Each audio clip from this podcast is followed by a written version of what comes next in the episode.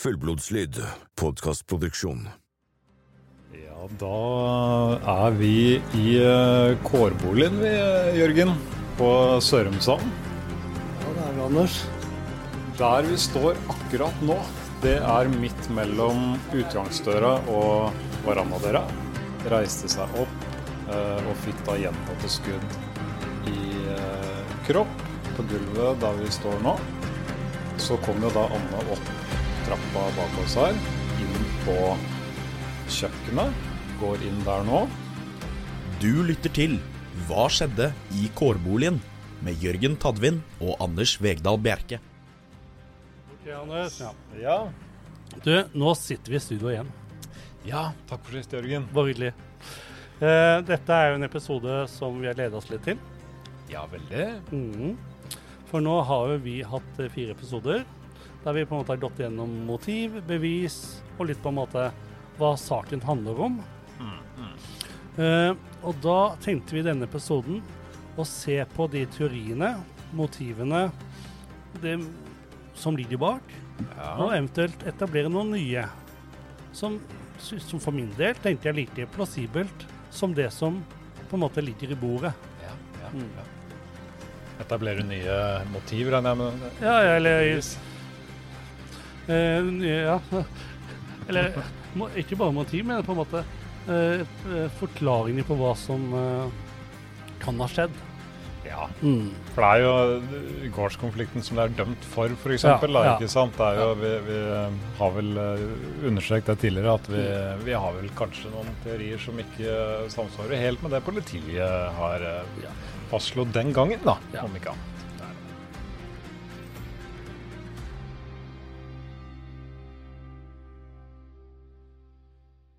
Og så er det jo litt sånn, og det vil nok skje i denne episoden her også, at uh, dette er jo liksom på one take. Vi kjenner saken godt, og vi, vi tar det litt etter hodet, vi, vi drodler sammen, og da kan det hende at vi er litt unøyaktige til tider. Og det, det, det, vi er klar over at vi har vært litt unøyaktige både episode 1, 2, 3 og 4. Alle fire. Alle fire. Ja, må, Eh, vi har det.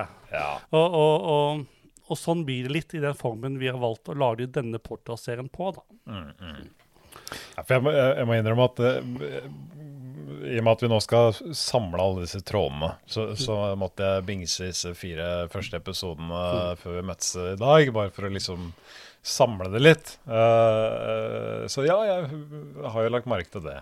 Og blant annet noen uvaner. eh, jeg, jeg har vært veldig fæl på hva er det jeg har sagt for noe. At uh, hver gang jeg har kommet inn på noe, og så, og så har jeg sagt at uh, ja, men det, men det kan vi komme tilbake til seinere. Ja. Jeg, jeg, jeg, jeg tror jeg telte at jeg hadde gjort det, sagt det sju ganger eller sånn de to Ja. første episodene. Så det skal jeg slutte å si. Uh, bare så det er sagt. Og i så fall prøve så godt jeg kan å, å, å redegjøre for det i dag, da. Men, men eh, det er litt av formen, da. Men eh, ja. Uvaner skal vi prøve å legge bort. Eh, nå er det jo sånn at uh, dette er jo ganske komplekst. Eh, en kompleks sak. Det er, det er masse, masse løse tråder, og det er attentater, det er gårdskonflikter, det er på en måte veldig, veldig, og masse navn. Eh, så da lurte jeg litt på, Anders, om jeg kanskje skal bare ta en kjapp gjennomgang av årstall og når og dato når ting skjer, sånn at uh, lytterne har på en måte en viss uh, anelse hvordan ting henger sammen, og på en måte den sånn logiske rekkefølgen på ting, da. Ja, ja, du tenker om tidslinjemessig, Ja, tidslinje. men, men svært uh, komprimert, da. Ja. Mm, mm. Ja, gjør det. Kjør på, Jørgen. Kjør på. Det er jo sånn at i 1990 flytter Kristin og Nei, i 1990 flytter Kristian og Marie inn, på, inn i kårboligen, og Per flytter inn i våningshuset. Eh, så er det sånn at Veronica eh, kommer til gården høsten 1993. Året etter, altså 1994, gifter Per og Veronica seg i hemmelighet. Sommeren 1998 blir søsteren til Per og hennes mann utsatt for to attentat. Altså det er det de som heter Anne Ordre Paus og Per Paus. Året før eh, eh, blir Per Paus eh, utsatt for et overfall utenfor deres bolig. Eh, 22.12.1998 drar Kristin Kirkemo, det er søsteren til Veronica, til Molde for å kjøpe to eh, pistoler, kaliber 22. Det ene av de våpnene går av i stua til Per Veronica under juleselskap 23.12.1998. 21. mai 1999 besøker Anne foreldrene sine på Orderud. Påfølgende natt, altså natt til pinseaften 22. mai 1999, så blir de tre drept, altså Christian, Marie og Anne Orderud. Politiet oppsøker da våningshuset der Per og Veronica bor, men de er ikke hjemme. Det viser seg at de er i Nesbyen, og da får de beskjed om drapene via telefon. Samme kveld holder politiet en pressekonferanse der de eh, sier at de er kjent med at det er en uoverstemmelse i famili familien. 1.6.1999 blir Kristin, Kirke, eh, Kristin Kirkemo, det er sånn at er halvsøsteren til Veronica, pågrepet i Østmarka sammen med en kompis, da de driver og skyter rundt i skauen. I forbindelse med den saken oppgir da Kristin at hun bor hos Lars Grønnerød, og politiet ransaker hjemme hos Lars Grønnerød. Og Der finner de et våpenmagasin til en 22-kaliber som politiet mener tilhører en av drapsvåpnene. Og så er det sånn at det 5. april så 5. april er det i 2002. Ja, det tror jeg. Ja. Mm. Da blir Per og Veronica Tristen Lars dømt endelig for eh, medvirkning til overlagt drap. Ja. De blir ikke dømt for drapene, men de blir dømt til medvirkning til overlagt. Altså det er et drap som de har planlagt sammen. Ja, ja. ja. Ja, men det er jo ganske kort oppsummert. Det er det. Eh, fint å bare ta det med. Ja. Eh, så har man på en måte det på det reine før vi, før vi fortsetter. Ja. Um, og, og da er det jo noen teorier som vi, som vi har uh, vært innom tidligere. Det er vel fire vi har nevnt. Skulle vi uh, Som sagt, nå har vi ikke prata sammen så mye om vi skal, uh, hvor vi skal lande dette her, Jørgen. Eh, men men eh, skal, skal vi utelukke noen teorier? ja. Jeg tenkte vi kan gå gjennom de fire teoriene som vi har presentert. Ja. Sant? Også litt for og imot, og Ja, ja, ja. ja. starte med det. Ja, Det kan vi gjøre. Det Det er jo kanskje naturlig at vi begynner med gårdskonflikten, som er på en måte den Det er jo det de er dømt på. Ja, for der tenker jo vi at uh, den holder jo ikke mål. Nei, jeg, jeg tenker at Nei, jeg, jeg tenker at det, det er nesten utelukka. At det kan ha skjedd. Ja. Ja. Og det er flere grunner til det, på en måte. ene er at eh, det har jo vært en rettssak i forkant av denne Eller på en måte som, som bygger på den gårdskonflikten, der Per er dømt Eller han er dømt til å, for, for å overta gården. ja. Det er på en måte Det, det, det er, det er noe sånn der Per står som eh, eier av gården. Det var jo på en måte egentlig Kristian som var eier, eier av gården. Eh, og så er det på en måte mener Kristian at han aldri har overført gården til Per. Og så har det vært noen rettssaker, og da har på en måte Per vunnet de rettssakene. ja, sånne sivile retts... Ja. Ja. Mm, mm. Og så var det sånn at det ganske kort tid før drapene så får også eh, Per beskjed om fra sin, sin advokat at nå har man kommet til en enighet. ja, det var dagen før drapene. Ja.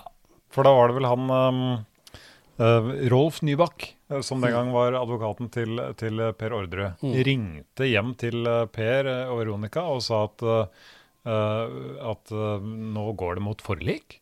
Uh, ja, jeg veit at det har blitt uh, diskutert uh, i etterkant om altså, advokaten til Per, advokaten til far Christian. De, det er ikke sikkert de nødvendigvis var helt enige om at det gikk mot forlik. Men det viktige her er jo hva Per og Veronica trodde i forkant av drapene. Jo, de fikk beskjed om at her gikk de mot forlik etter at de hadde vunnet første rettsrunde. Det, det, det fjerner jo egentlig hele grunnlaget for, for eh, drapsmotivet her. Ja. Og så, er det jo en ting også som jeg på en måte, vi har tatt i en annen episode, og som også underbygger at, at eh, Per og Veronica ikke er med på dette her. Og det er jo at eh, det går jo en kule i det bordet. Ja, ja Ja, stuebordet. det- Stuebordet der. Sant? Og nå ser det jo, eller nå er det jo i hvert fall framstilt sånn at eh, disse drapene er ganske godt planlagt, og det er på en måte lagt veldig mye til rette for at, eh, at man ikke skal bli tatt for noe som helst. Ja. Det er veldig rart at det ikke er kvitta seg med det bordet som det har gått en kule i. Ja. sant? Og det er et juleselskap som vi på en måte helt sikkert skal belyse også i denne episoden. Mm, mm. Så det også underbygger den teorien. Jeg tenker det Per Veronica og den dårdskonflikten for min del, og for sånn jeg forstår på for din del også, Anders, Ja. det bare putter vi i en stoff og lorter igjen. Ja. Og, og, og, det, og det er litt bare sånn eh, Den dagboka til Veronica, bare Mm. sånn kjapt for å nevne den. Vi har jo nevnt tidligere hva hun har skrevet der. Når hun skriver litt sånne hatefulle ytringer mot, mot eh, sine svigerforeldre Hun ville kanskje fjerne den dagboka også, ikke sant? På lik linje med stuebordet. Det, det henger ikke på greip. Nei. Det gjør ikke det. Det gjør ikke det. Så nei, men da, da er vi enige om det. At Mm. gårdskonflikten, den, eh, den, eh, den eh, ligger nå i en skuff Ja. som vi har lukket igjen. Mm. Ja, ja. Men den, den, den åpnes en eller annen gang, men den ligger iallfall i skuffen. Jeg veit ikke, jeg har kasta nøkkelen, jeg, da. Men, Ok, eh, greit. men Ja, eh, vi ja. kan jo se på det seinere. Ja, Ja, Nei, det var det jeg ikke skulle si. Ja. Vi skal ikke se på det. Ja. Eh, så var det sånn eh, eh, Ja, vi har jo på en måte prata litt om eh, oppstarten av ekteskapet til Per Paus og Andre Ja. Oddrud Paus. Ja, riktig det. Det er jo også en teori som vi egentlig har, Vi utelukket jo den ganske tidlig i en tidligere episode. Ja, vi sa vel det da. Ja, og den er, vi står vel lag på det, sant? Fordi Ja. De, de, de den, det, det var jo sånn at Anne innleda et forhold til Per Paus mens Per var gift. Eh, Det og helt naturlig så altså, er det helt sikkert sårt. En, akkurat en sånn uh, overgang Ja, ja, ja. mellom uh, Ja. Jeg skjønner, skjønner at det, det var litt uh, baluba, sikkert, og, og at, man, eh, at barna altså ikke syntes det var noe hyggelig. En skilsmisse. Ja. Men, men sånn som vi har forstått, og det er ingenting som tilsier noe annet, så er, hadde jo Anne veldig godt forhold til da barna og eventuelt den, den delen av familien, da. ja, ikke sant. Så det, det, så det, det motivet er der ikke lenger. Nei. Og, og det det med at Christian og Marie ble drept, altså, hvor kommer det inn i bildet der? ikke sant? Det Altså, er da- fryktelig brutalt, iallfall. Da, da, er vi jo mer, da tenker jeg nesten mer at et uh, mislykka innbru- eller, altså, innbruddsforsøk som gikk gærent, som har også vært en teori tidligere, uh, at den er mer sannsynlig, for å si det sånn. Men, uh, men nei, den der ekteskapskonflikten, det, vi, vi måtte jo bare nevne den siden den hadde politiet lagt på bordet tidligere. Men, men uh, på lik linje med gårdskonflikten og sånn, vi, vi legger den død fra nå. Ja. Gjør det. Vi putter det i samme skuffen. Ja. Ja. Vi gjør rett og slett det. Um, ja, så, så har vi dette politisk motiverte motivet da, Jørgen. Ja. Og det, det jeg, jeg også på en måte har en liten uggen magefølelse, eller det er ting som tilsier for meg iallfall, Ja. at eh, det er også et motiv som vi kan få legge sånn delvis i skuffen, og kanskje helt i skuffen. -huh. Eh, det, men da legger det, det som jeg på en måte har ligget som forutsetninger, det er at eh, en profesjonelle leiesoldater fra, fra Jugoslavia eller Balkan et eller annet sted har kommet til Norge og utført drapene på disse tre. ja. Da synes jeg det er veldig rart at man skal eh, sende en rusmisbruker, som Kristin var da, til Molde for å skaffe våpen. At de bruker norske ullsokker utenpå skoene sine. ja. Nei. Profesjonelle eh, leiemordere som jobber for en fremmed stat, de kommer med alt utstyret sitt. De, de gjør det. Og, og, og så har jeg tenkt også for meg sjøl at Unnskyld, hvis det var politisk motivert, så var ikke Anne Ordre Paust og mannen Per viktige nok. Sant? Anne Anna er jo sekretær, liksom. Ja, og så har man den koblinga til etterretninga, men jeg tenker det eneste det, det, det er aldri bevist at de har jobba for Etterretningstjenesten. Men om de så hadde gjort det, ja, det, det, det eneste det Altså, ja, da kan man koble de til samme At de har et verv i samme jobb, men bare for at du jobber i Etterretningstjenesten, øh, hvis det hadde vært tilfellet Nei, jeg syns ikke det. Nei, og så er det, altså. det med Etterretningstjenesten er jo bare helt løst rykte. Ja, ja, ja, er ja, ja men sånn, hvis, det, man, hvis det hadde stemt, da, ja, så tenker jeg at selv da så, så, så det er ikke de de hadde gått etter. Så, og så har jo jeg tenkt en ting da i, i forhold til det med at hvis, uh, hvis uh, noen fra litt høyere opp uh, hadde kommet for å ta ut Anne og Per i, I mitt hode, der er vi kanskje litt uenige, men at, at har det noen verdi å ta ut de hvis, hvis, det ikke, hvis det ikke er noen som tar på seg skylda etterpå? Jeg, jeg, er måte Jeg tenkte jo det, da. Og jeg tenker at det, at det skjer ganske mange politiske drap rundt om i verden som vi ikke vet om. Sant? Vi har jo Putin i Russland som gjør det til støtt og stadighet. Og han påtar seg ikke noe skyld i utgangspunktet. Men, men at det, vi- hvis det skulle være sånn at dette er noen profesjonelle eh, leiemordere fra en annen fremmed stat, Ja. Eh, så kan det hende Hvis det har skjedd, så, så tenkte jeg mer naturlig at de bruker det i forhandlinger Ja. med Norge. Ja, ja. At da kommer det en diplomat og sier vi, vi sa at eh, hvis ikke dere gjør som vi sier, så kommer vi til å få konsekvenser for dere, og nå har det fått konsekvenser. Mm, Her har vi tatt livet av tre stykker på en gård ute på Sørum. Ja. Så, så for, for det, det å på en måte vedkjenne seg at man har gjort noe, det er litt sånn som man tenker at Al Qaida og sånne holder på med. Eh, tenkte jeg, da. Ja, ja, Eh, jo, da og det, det er på en måte, da, da er det veldig høyt konfliktnivå. Ja, ja, Ja. Men som du sa, da, med, med å trekke inn uh, En ting er rusmisbrukere og sånn, men man du verver ikke familie eller folk som kan knyttes opp imot ofrene til å utføre jobben. Eh, og ber de skaffe utstyr, ikke sant. Altså, nei, det er, det er ingenting som Men ingen, ingen skal i hvert fall si at vi ikke har belyst motivet. Nei. Alltid vi har brukt en del tid på å prate om Balkan-konflikten Ja. og det greiene der. Uh, så, så jeg føler vel egentlig at vi, vi har ikke uh, fra dag én Vi har vært åpent for alt. Mm. Vi, vi, vi, så selv om vi nå skal kanskje begynne å snevre oss inn mot uh, noe konkret, så, så har vi eh, holdt, uh, holdt alle kort åpne. Mm. Og, og vi har jo ikke noen ressurser å drive noe etterforskning sjøl. Så vi, vi må jo på en måte se på de bevisene som ligger. Og så er jo tanken litt, og det blir kanskje litt sånn som vi um, anklager politiet på 90-tallet holder på med, at nå har vi jo tenkt å lansere noen nye teorier. Og det bygger jo på magefølelse, hva vi tror og mener. Og da vil jo vi sette bevisene i en litt annen sammenheng. Som på en måte litt Det er det vi kritiserer hvis vi kritiserer noen. Så da har vi iallfall sagt litt at eh, vi føler nok at eh, politiet gjorde det, da. Ja, ja, Den gangen på 90-tallet. ja, ja.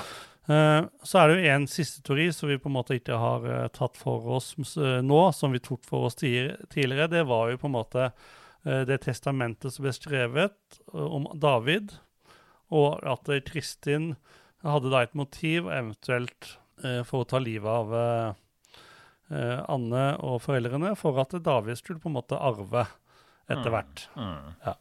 Og, da, og da er det også greit å si at på den tida så var jo sønnen til Kristin såpass ung at det Og med flere hus på gården og sånn, altså dette er jo en arv som Kristin Om det var bosted, hva som helst, hun ville fått glede av dette her selv også. Ja.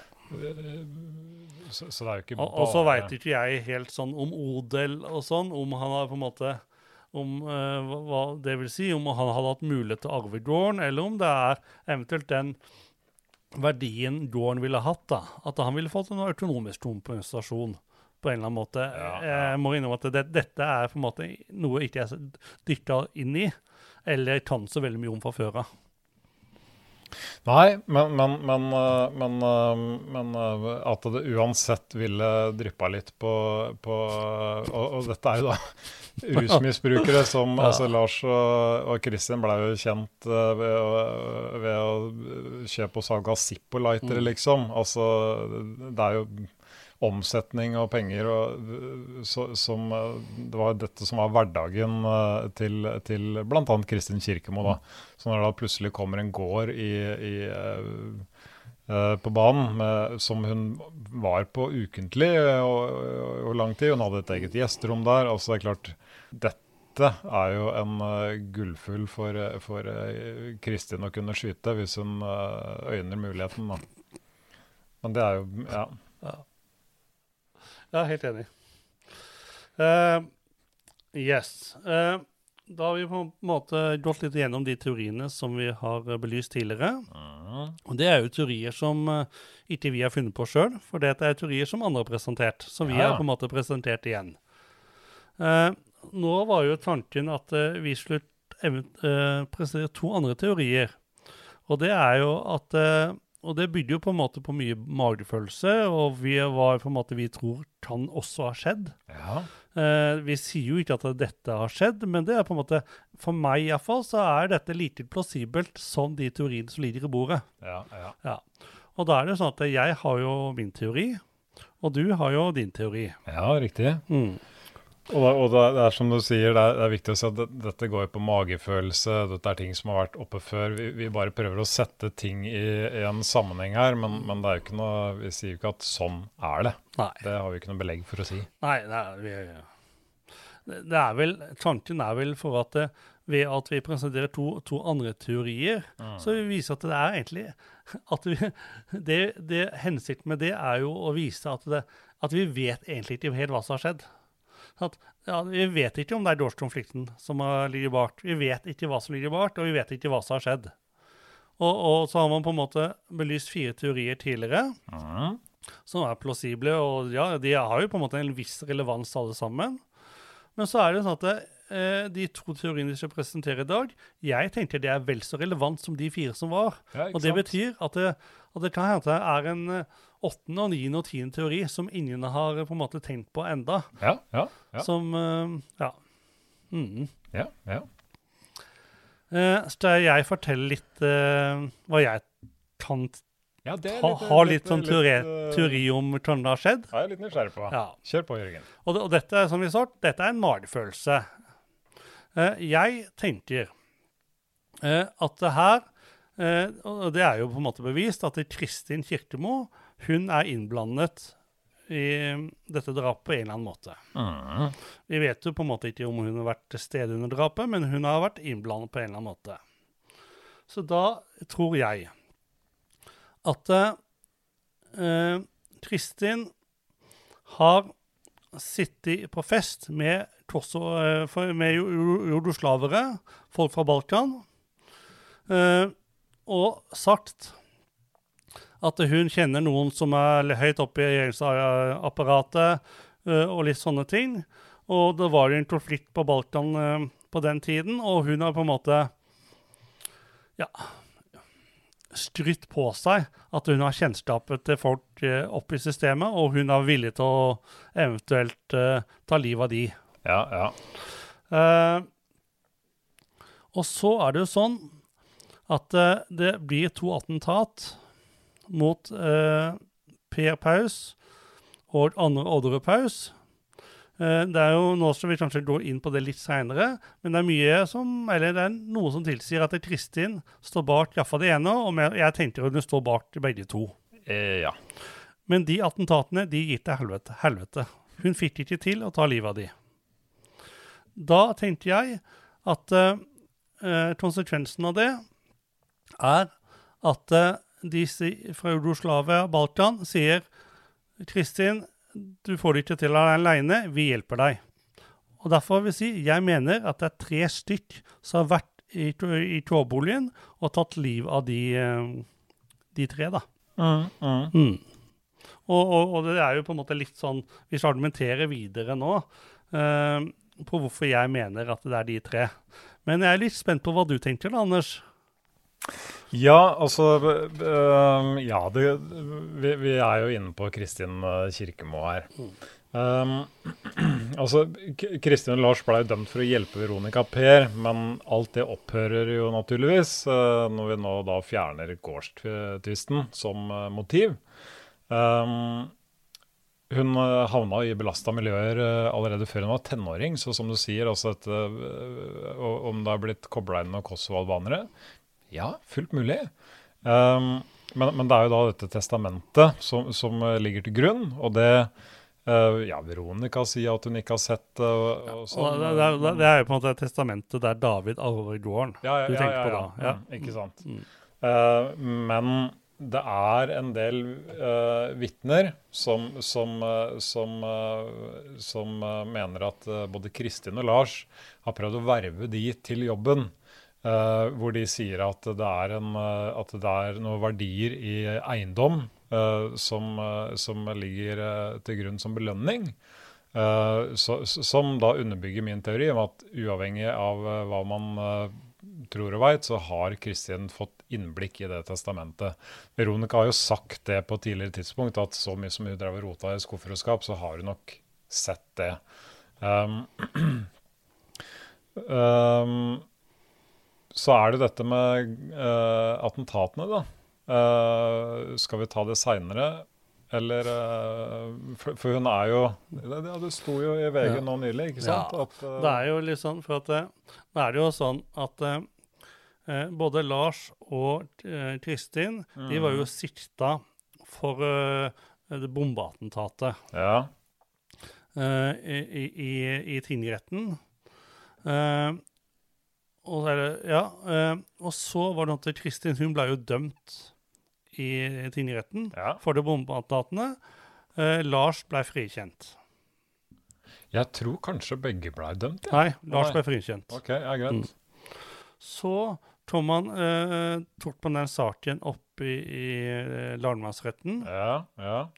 Og så har jo vist seg nå Nå har jo Gjenopptakelseskommisjonen etterforska mye, og de har på en måte De har jo sagt lenge at den saken skal um, At de, de skal komme med sin konklusjon, da. Mm, mm. Uh, og i, i, den forbindelse så har jo de gjort egen etterforskning. Der man har funnet bevis, nei, funnet um, DNA ja. på teipbiten som festa den dynamitten under bilen ja. til eh, Per og Anne. Ja. Og så veit jeg ikke om jeg nevnte det før, men, men, men, eh, men eh, det blei jo funnet ledninger, fenghette, dynamitt i kjelleren til Grønnerød. Når Kristin Kirkemo ble arrestert i denne hangaren på Fornebu, så ble det jo funnet ledninger, i hvert fall. Og muligens noen fengheter. Lars sa på et eh, tidlig tidspunkt at ja, dette hadde en sammenheng, men han trakk den tilståelsen seinere. Nå er det da bevist at uh, og, og, ikke nok med det, Kristin har gått rundt oss Det er jo rykter, da, men, men skal angivelig ha, ha, ha, skrytt på seg disse attentatene. Eller i hvert fall bombeattentatet. og når det nå i seinere tid nå viser seg at ja, hun, hun der er det funnet DNA-bevis. Så, så, så, kan man jo da se over mot gassattentatet. Og der, vet, der har man jo alltid tenkt at de må ha en sammenheng. Var det under lagmannsretten at, eh, at eh, For det, det blei funnet en teipbit over nøkkelhullet til eh, Per Baust, Anne Ordre Baust. Den teipbiten mente de stamma, tror jeg, fra om det var garasjen eller et eller annet hjemme hos Sverre Kirkemo, faren til Kristin. Men de kunne ikke bevise det, at, at, det var samme teip. Men nå ser vi jo på teipen på, på dynamitten. Kanskje er det en sammenheng der. Men det viktigste det er jo det at privatetterforsker Ola Tue, uh, Tune han, han uh, For det, det blei jo spekulert i under rettssaken. men han tok saken i egne hender. Fordi Lars hadde, og dette skrev hun vel også under på en uh, vitneforklaring, som han da riktignok trakk seinere, men at Kristin har sittet i en bil sammen med Lars og erkjent at hun også sto bak gassattentatet. Uh, og kunne da gjengi hvor hun hadde stjålet gasstanken. Ola Tune tenkte at dette her må jo undersøkes nærmere. Kan ikke bare bli nevnt i retten og så bare øh, ikke sjekke det ut noe nærmere. Så mens rettssaken pågikk, så dro han til denne butikken, som jeg ikke har navnet på, da, et eller annet sted i Oslo, og fant ut at i nøyaktig det tidsrommet som Lars sa at Kristin uh, hadde vært og stjålet uh, en gasstank eller to, så, så, så kunne butikken bekrefte at ja, det var stjålet en gasstank uh, på nøyaktig på det, altså i det tidsrommet mellom bombe- og gassattentatet. Og hva er tilfeldighetene for at det stemmer, Jørgen? Jeg i mitt hode OK, skal jeg ikke si at sånn er det, men magefølelsen min sier at, at da er det Da er det Altså, det, det, det er Jeg syns det, det, blir- for godt til å være sant, på en måte. Ja. Og da tenker jeg at da, da kan man knytte linken til gassen-attentatet også opp imot Kristin. Ja. Jeg også støtter deg i det. Jeg gjør det. Uh, altså, OK, Kristin eh, Hvis vi da går, uh, går for den magefølelsen at Kristin står for de to attentatene der, så, så, så man kan jo ikke knytte Per og Veronica opp imot det. Uh, nå har vi jo lagt uh, gårdstvisten til side, så, så da er jo dette her noe hun tar på eget initiativ. Ja, så, når det kommer til bevis og hvilken bevis som eh, passer hvor og sånn, vi, vi, vi skal se på det etterpå, Jørgen. Men uh, det er så mye som peker mot uh, Kristin her. Jeg, Magefølelsen min sier at dette er Kristin, med eller uten hjelp, men at Kristin er, er den som er initiativtakeren, uh, med, med, med gården som, som gevinst. Eh, og så kan vi eventuelt da etterpå se nærmere på uh, om det passer i forhold til en del av disse bevisene som har blitt lagt fram. Da. Ja. Så, så, så du, du er på en måte åpen for at Kristin har vært aleine inne i uh, trådboligen Ja. og tatt livet av alle tre. Men igjen, da. Ja, jeg er åpen for det, men jeg er også åpen for at en av vennene hennes i det kosovoalbanske ba- kosovo-albanske miljøet var med. Om det var eh, med inn, holdt vakt, eh, var sjåfør. Eh, det har jo også blitt eh, Det var jo Var det Sandberg? Eh, altså, det er, det er en, eh, en eh, norsk eh, etnisk norsk mann også, som, som, eh, som eh, mener at han var på åstedet. Eh, Ja, for, så- men- for, de, de, for den hjelperen trenger ikke være fra Kosovo-Albania. Nei, nei. Nei, sant. Nei, nei. Det er, men Så- det er på en måte de vi har pratet om. Det kan være en helt vilkårlig annen en. Ja, ja. Det kan være Lars, Og- kanskje? men- men- kan det være Lars? ja nå øh, har jo han på en måte alibi, da. Ja. Men, øh, så, så jeg tenker ikke at Lars var til stede, uh, men, men at uh, Kristin har gjort det alene, eller at hun har hatt med seg én eller to. Mm. Uh, og, og så kan man jo da selvfølgelig plassere de Kan vi jo se på det etterpå eventuelt, hva som eh, er logisk å tenke. Men at jeg, ja, jeg er åpen for at hun kan ha hatt med seg to alba, mm. albanere eller en, en kosovo-albansk og en norsk. altså sånn. Hun var ikke nødvendigvis aleine, men det er hun som er initiativtakeren, og at det er hun av de fire tiltalte som, som, som eh, har eh, som har hjernen bak dette her. Mm. Det, det er min teori. Ja. Og da er det jo sånn at, eh, og det, det hadde vi kanskje litt magefølelse på begge to, og det er på en måte logisk at vi går for Kristin. At, og det er et åpenbart, eh, For meg er dette helt åpenbart at Kristin har vært med på det. Ja. Enten det er på en måte det, Hun må ha vært med på det på en eller annen måte. Og så er det på en måte hvorfor, Hva er motivet hennes for å være med på det? Så det er et spørsmål om vi skal på en måte eh, gå gjennom de bevisene som linker Kristin til handlingen. Sånn at, sånn at lytterne skjønner hvorfor det er så åpenbart at Kristin må ha vært med på dette. her. Ja, ja, ja, ja. Skal vi begynne med barnehålbeviset. Det kan vi godt gjøre. Ja. ja, ja. Uh, fordi at uh, hjemme hos Sverre, som er da far til Kristin, ja. uh, så finner man en bag, en rosa bag, som eh, Sverre mener tilhører Kristin. Ja, det var det med det eh, Ja, ja, de ingenialene som vi prata om. Ja, sant? Vi hadde jo prata litt om det. ja. Eh, og, og i den bagen så finner man på en måte en pose med noen datoer og, noe, og noen initialer uh, og noen damestrømper. Uh, på de damestrømpene så finner man noen barnåler. Mm. Nå er det sånn at Kristin nekter eierskap til den badgen. Man kan jo på en måte stusse på hvorfor hun nekter for det. Og så er det sånn at i leiligheten til Lars Grønnerød, der hun bor, da finner man en parykk. Og, det, og den, på den parykken finner man også flere eh, barnåler, furunåler. ja.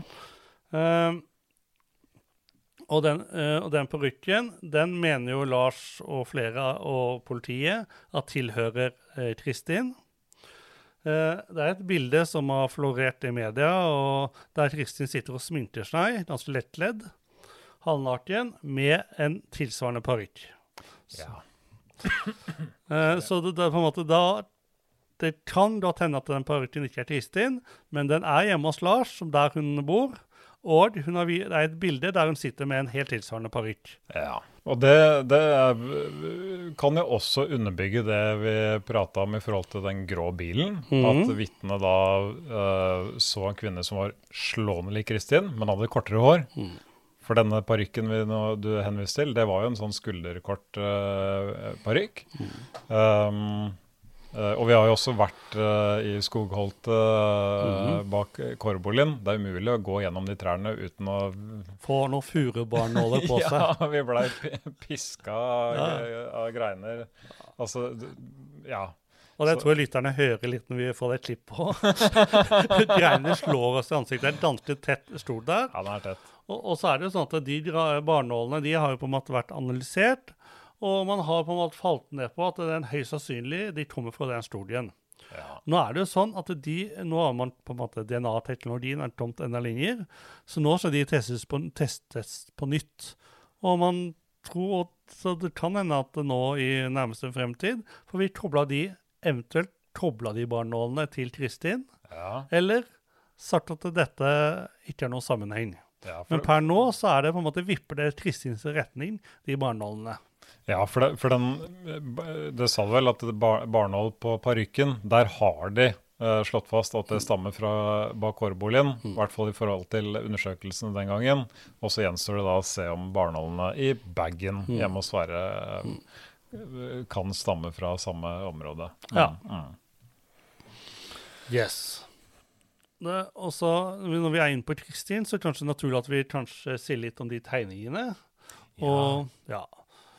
Eh, jeg vet ikke om jeg skal ta det, men, men det er jo sånn at det, eh, det ble la- framlagt en tegning i, eh, i, i rettssaken Ja, ja, ja. ja. som Kristin hadde tegna. og der har hun på en måte for, Det er litt diskutert hvor nøye den og hvor nøyaktig den tegningen var, men det er iallfall en del som sammenfaller på den tegningen, bl.a. en sikkerhetsskap. Så hun har plassert riktig. Ja. Kan jeg bare si det før du Ja. fortsetter, at den tegningen altså hun, hun lagde den tegningen fordi hun mente at Veronica Det var vel under lille julaften, tror jeg. Men at hun hadde tegna opp kårboligen for Kristin for å vise at uh, du må gå sånn og sånn og sånn. Så hele grunnlaget for tegningen var at Kristin skulle legge det over på Veronica. At ja, men jeg kan denne tegningen fordi Veronica har vist meg det. Ja. Ja. Og så er det sånn, så er den tegningen er jo litt omdiskutert, fordi at hun for Den har vist at du tegner faktisk to ganger. Ja, Første tegningen, der stemte ingenting. og så var politiene tegnet en gang til. Da stemte iallfall sikringsskapet. Og eh, det er en del andre ting som stemmer. Nå har vi vært i tårboligen. Det er egentlig veldig fint at vi har vært. For at, eh, og jeg har vært i den tårboligen utenfor, har jeg vært et par ganger. Innvendig har jeg vært én gang. Ja. Eh, sånn hun tegner boligen er, Jeg kan tenke meg at var, Hvis jeg skulle tegnet den boligen for deg, Anders, så kunne jeg tegnet den omtrent sånn. Jeg, jeg har ikke inngående kunnskap om hvor rom og sånn er, men at den lille forgangen med det sikringsskapet og den trappa opp til annen etasje, det er på en måte ganske sånn som jeg husker det. Ja, ja. Og så viser det seg at den tegning nummer to er en, en vesentlige ting som ikke er tatt med. Eh, men hun på en måte mer eller mindre greide jo å tegne gjesterommet der Anne sover, i underetasjen. Ja. Jeg tror ikke hun plasserte det helt nøyaktig, men hun på en måte plasserte det i underetasjen iallfall. Ja, ja. Og samme med sikringsskapet. Ja. Og, og, og, du- du, sa det jo, men, men, men, men hun tegna først én tegning som hun skulle legge fram i retten. Noen på bakrommet sa at den kan du ikke legge fram, for den er ikke nøyaktig nok. Hun eh, måtte eh, moderere den litt. Og så var det den tegningen som ble vist i media, som da eh, skulle støtte Kristins forklaring. Ja, den stemte litt bedre, men, men hvem er det som har stått på bakrommet der og sagt at ja, men dette her stemmer jo ikke, Kristin, du må gjøre litt sånn. Nei, sånn er det. Ikke sant? Ja. Så nei.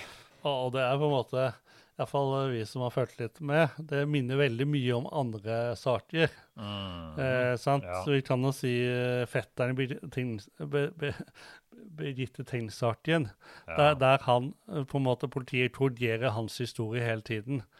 Sant? Ja, Når han tok med forklaringen, det var vel ikke helt sånn det skjedde, sant? Og så, ja, og så sammenfaller det plutselig alt sammen. Så, så men, ja. Eh, og så er det jo sånn at eh, eh, noen, år- noen år etter Sartien, når på en måte Sartien lagt død, så flytter jo et familiemedlem inn på gården. Ja, ja, ja. ja. Ja. Og da har jo gården vært plombert i mellomtida, bare for å Mm. si det. Ja. Og så bor han der et års tid, og så er det sånn at det er en kompis av han som skal flytte inn sammen med han. Da går han opp i annen etasje, der de har et gjesterom som han ikke har vært noe eh, innpå. Og med den hensikten å rydde det rommet, sånn at eh, kompisen skal få lov et sted å sove. Ja. Eh, Da tilfeldigvis åpner han en skuff i nattbordet. Der ligger det nøyaktige tegninger av eh, trådboligen. Og dette rommet er gjesterommet på eh, våningshuset der Kristin pleide å overnatte. Vi har sagt i tidligere episoder, hun var på Ådergård par-tre ganger i uka, og det er hennes rom. ja. Ja. Uh, og det Åssen skal man forklare det? ja. Og det er jo på en måte sånn. ja. Da har hun nøyaktige tegninger av eh, trådboligen. Ja. Og det er kanskje en av årsakene til at hun greier å tegne den eh, boligen, da. ja. Ja. Ja. Enig. Mm. Bare kom på det i stad når du sa og, det, og dette her er Ja. Uh, når du først nevnte Tengs-saken og sånn. Mm. Jeg vet ikke om jeg har sagt det, men, men uh, For det går litt tilbake på, til gårdskonflikten igjen. Men, men eh, Per og Veronica ble jo eh, tidlig mistenkt fordi at det, politiet visste jo fra første stund at det forelå en gårdskonflikt. Mm. De var i Nesbyen. To, eh, to etterforskere ble sendt opp for å avhøre eh, ekteparet. Um, fordi at de valgte å ikke komme tilbake. Mm. Og sant, Media syntes dette var fryktelig rart. Ja, for ville de ikke være sammen med sine nære og kjære og sånn? Altså, Hvem er det du skal reise hjem til? da? Noen fettere eller eh, et eller annet? Og så i et innsperra område hvor tre av de nærmeste er drept. Jeg hadde Mm. blitt i Nesbyen eh, hos eh, mine nærmeste så lenge som mulig. Mm. Men uh, jeg bare kom på det fordi at uh, en av de to eh, etterforskerne som, som eh, avhørte Per og Veronica på, på Nesbyen, som igjen da kunne gå til media etterpå og si at eh, de syns at eh, Per og Veronica opptrådde veldig rart under det intervjuet. Altså at om det gikk på hvordan man viser sorg, altså sånn sjokk, altså at det var noe som skurra. Um, en av de etterforskerne var Stian Elle, som, eh, som eh, lurte fetteren i Birgitte Tengs trill rundt Mm. Og tok livet av seg. og tok livet av seg. Uh, og, det, det er jo Og det er jo, ja og Det er på en måte, og der kan vi kanskje lage en, eh, en annen episode på, på en måte, en annen gang. Ja da, jeg var- for, for det, er jo å Stian Elle, det. er ikke hvem som helst. Han var jo på en måte kjent den gangen som er på en måte den mest dyttige avhøreren eh, Kripos hadde. Ja, var liksom rockestjerna. Rockestjerna, eh, og han viste i etterkant Han hadde noen teknikker, sikkert, som han har lært på Kripos, som var eh, rein ma, ma, ma, han, han, han, Manipulasjon, ja. ja. ja. Eh, eh, og, og, og så er det jo sånn at uh, etter ikke han så var han sjef for politiet, støtta han ikke når, når, når eh, det kom for en dag at de teknikkene ikke var noe særlig. De sørget for falske tilståelser, og så noen år etterpå så tok han livet sitt. da. Ja, ja. Så det er på en måte helt sidespor, men, men eh, ja. Det var litt sidespor, men, men jeg bare det er tenkte at interessant. Jeg synes det var litt uh, Når jeg så det, så bare jaha. mhm. Yes. Eh, hva, hvor, eh, hvor skal vi gå videre nå? Eh, det er jo Er det noe annet som linker Kristin til dette her? Ja, altså um, Jeg syns det, fordi at uh, uh, dette våpenbyttet, bompengebeviset uh, trenger, tre, Skal ikke dra inn bompengebeviset, men, men selve våpenbyttet. Um, vi, vi har forklart det godt nok tidligere. Men det jeg syns er, øh, er veldig rart, det er det at øh, Kristin har jo uh, ifølge henne selv spurt Lars uh, Altså nå snakker vi om Colton til uh, Lars Grønnerød, uh, kalt Lillegutt. Kristin var veldig gira på å kjøpe den av, eh, av Lars, men fikk blankt nei. For var, eh, det var liksom hans eh, lille gutt. Det var hans, eh, hans eh, hellige lille eh, eiendel. Men så, så skal han plutselig finne ut at nei, eh, kjæresten som han bor sammen med, som er sikkert, hadde sikkert mulighet til å gi mer enn de 4000 imellom som Per Ordre er beskyldt for å ha gitt.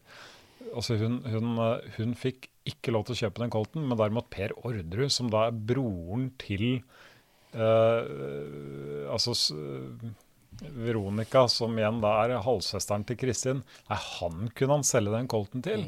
Så, så, så Og, sånt, og, jeg og er, ikke, Det stemmer ikke. og jeg, jeg, Stemmer jeg, ikke. ja, jeg eh, tror jo ikke at det har skjedd noe våpenbytte i det hele tatt. Nei, nei. Det, det, for det, det er jo litt sånn, Jeg bygde jo min teori på at det er tre stykk.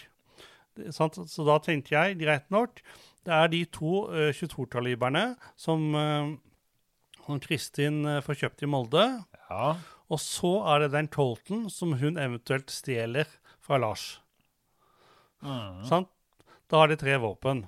Og så er det sånn at det er jo bare to våpen som er brukt under eh, selve drapene.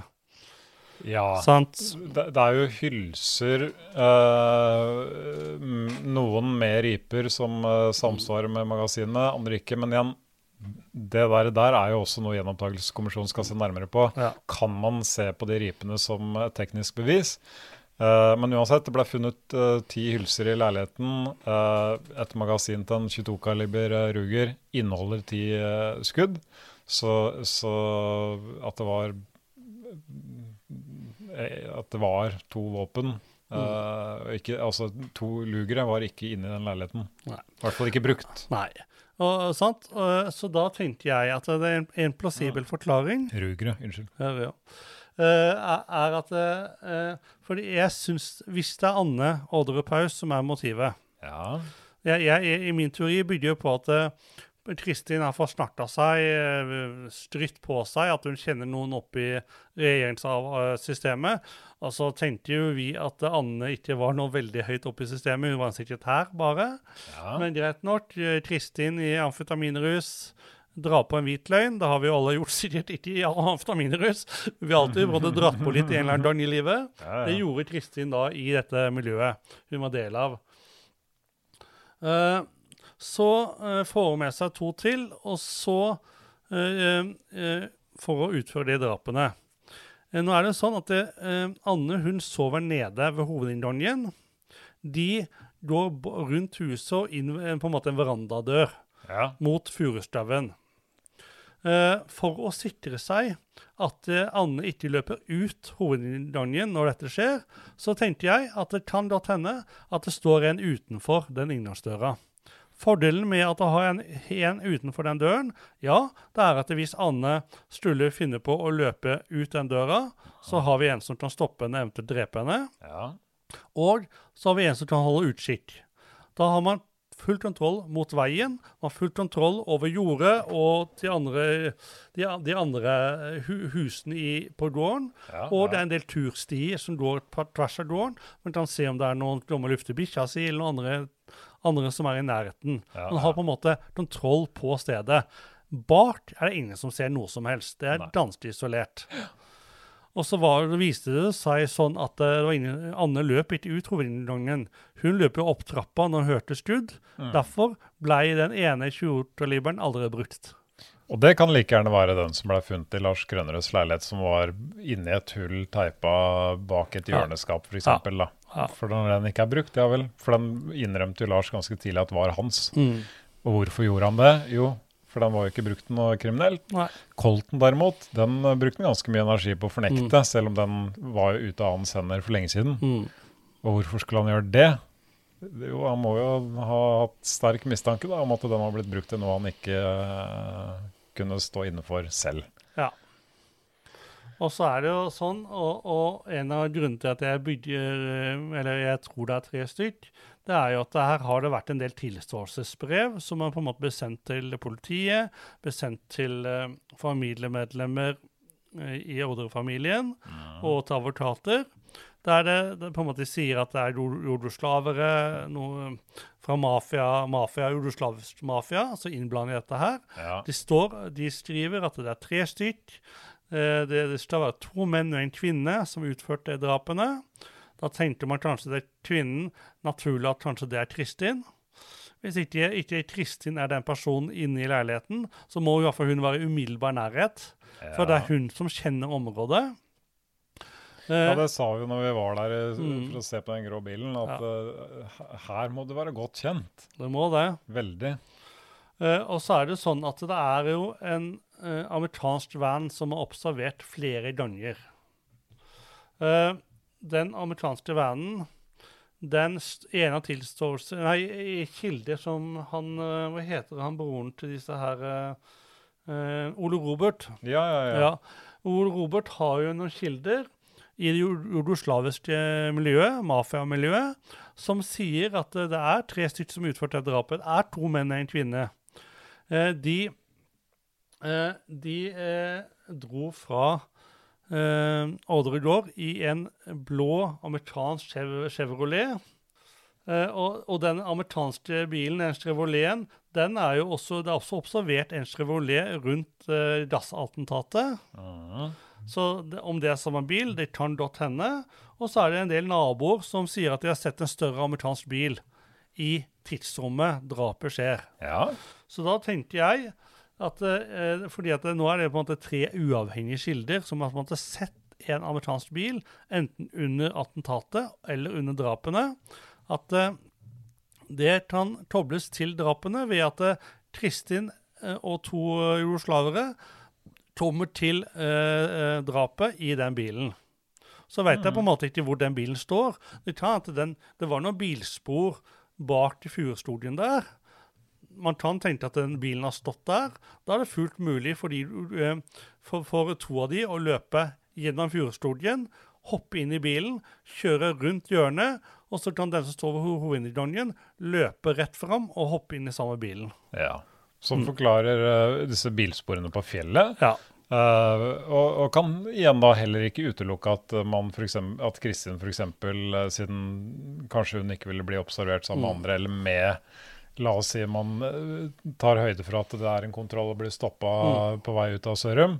At hun da gikk bort til nabobyggefeltet, satte seg i en egen bil, men da ikke hadde med seg verken våpen eller noen ting, for at det blei tatt med av gårde i en, eh, denne Chevroleten til, eh, til de som da eventuelt hjalp til. da. ja. Så det er en mulighet. Det er en mulighet. Og, og du nevnte jo han, han eh, Ole Robert. Mm. Um, han, han, han hadde jo noen um, um, ja, nei, altså, Ole Robert, da. I, I herresretten så forklarer jo han at Kristin hadde vist ham to våpen på låven på Ordre gård lille julaften. Uh, og da Hva var det han sa for noe? Altså, at, Kristin hadde sagt at uh, disse skulle leveres til en torpedo i Oslos underverden. Um, ja, og mange rykter sier jo da at noen fra miljøet var til stede, så at ja, dette kan ha vært sant. Uh, men at hun da skrev, på den måten prøvde å skrive seg ut av rollen, eventuelt at ikke hele planen var spikra enda. Men uh, Ole Robert, uh, altså da Kirkemo, kom da med en annen forklaring senere. Og det var at Kristin hadde sagt at disse skulle, disse skulle brukes til å drepe Per sine foreldre, og at det hadde noe med arv å gjøre. Eh, hvor Per også da skal på et tidspunkt ha kommet inn på låven og, og blitt veldig sint da for at Kristin hadde vist eh, Ole Robert eh, disse våpnene. Um, og, og, og i, i siste rettsrunde så nektet jo Ole Robert å forklare seg. Han eh, skulle jo ta en pause og en røykepause og ville jo ikke si noe om det etterpå. Eh, Ja, sant? Og han har jo på en måte og han så- står vel, er vel den som står nærmest Kristin fortsatt. gjør det. Og han har jo sagt at, eh, at det er en av disse eh, sikta, altså Per Veronica Kristin Lars, veit hva som skjedde. Det har på en måte han sagt uh, tidligere. Og han har jo også hinta mot at han vet noe, Ja. men har på en måte trukket seg når, når det virkelig gjaldt, da, eller når, når Ja, under, ja, under rettssakene. Ja, ja. Og, og jeg ser klokka går. Uh, Mm. Kan jeg bare kjapt nevne et par vitner? Eh, man har jo han der, en som heter, blir omtalt som eh, Lilleroy. Mm. Uh, han blei betrakta som en god venn av Lars Orderud. Mm. Um, uh, blei jo avhørt en rekke ganger. Uh, han mente at eh, Lars eh, hadde prøvd å verve han til å utføre disse drapene, eh, tre drap, mot en betaling på 500 000. Skal ha gått så detalj at han sa det, at dette skulle skje på en rå, grisete måte osv. Og, og igjen sagt at dette dreide seg om noe eiendom. Eh, så at Lars visste mer enn han sa, det noe kan tyde på det. Nei, altså um, Lilleroy, da, men, men det er jo også flere uavhengige vitner som, som, øh, som mener at høst, øh, Kristin skal ha uttalt høsten 98 at hun skulle drepe tre mennesker slik at sønnen hennes skulle arve gården, som da underbygger det vi innledet med, at hun, hun må ha innsyn i dette testamentet. Ja. Uh, og der kom hun med diverse forklaringer på hvem som skulle gjøre det osv., men det er ikke så viktig. Men her, siden det er uavhengige vitner at, eh, som sier at eh, hun hadde kjennskap til testamentet, og at det lå en, eh, eh, lå en belønning der i form av eiendom, Mm. ja, det underbygger min teori, sier min magefølelse, da. Mm. Ja. Nå har jo vi belyst, som dere hører, belyst to andre forklaringer på, på hva som har skjedd denne fatale eh, kvelden, pinseaften. Eh, så, og jeg tenker, og det får jo dere lyttere bedømme, men jeg tenker at de to forklaringene vi har kommet med, de, like logisk som alt annet, egentlig. Ja, Uh, mener vi i hvert fall. ja, jeg Ja, ja, mener det. Nå er det jo sånn at uh, uh, neste episode det blir siste episode i denne serien. Ja, det gjør det faktisk. Ja, vi har jo, Tidligere har vi ikke sagt hvor mange episoder vi skal lage, men nå har vi bestemt oss. Det blir seks episoder. Ja.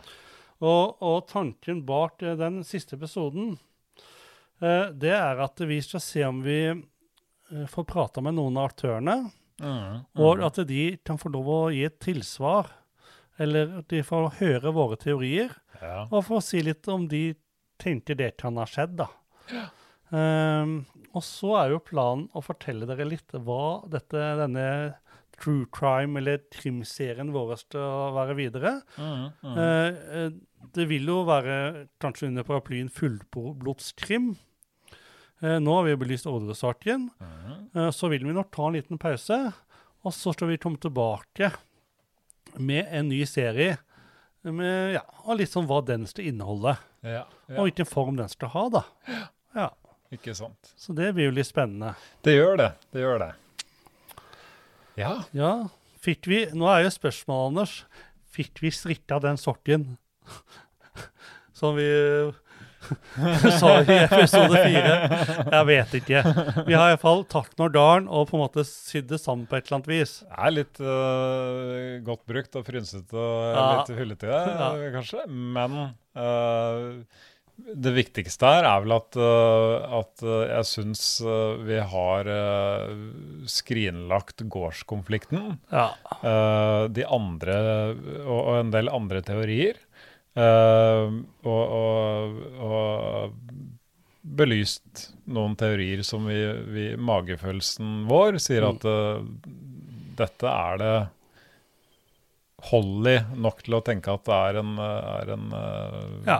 logisk Jeg tenker det er en logikk, det er en logikk i det. Ja. Både, både David arveoppgjør uh, og eventuelt uh, litt sånn fleipete greier på en eller annen festlig lag. Så ja, som på en måte så har på en måte bordet fanger litt. Mm, Og så, og så, og så har man uh, Kristin tatt med seg flere, og så har man gjort disse drapene, da. mm. ja, ja. Yes, skal vi bare si ha det bra? Vi kan, kan gjøre det. Vi kan gjøre det. Takk for sjokoladen og takk for brusen. Ja, ja det var hyggelig. og så høres vi om en uke. Det gjør vi. Yes. Ha Ok, det. hei, hei. Hei. Du har lyttet til en podkast produsert av Fullblodslyd.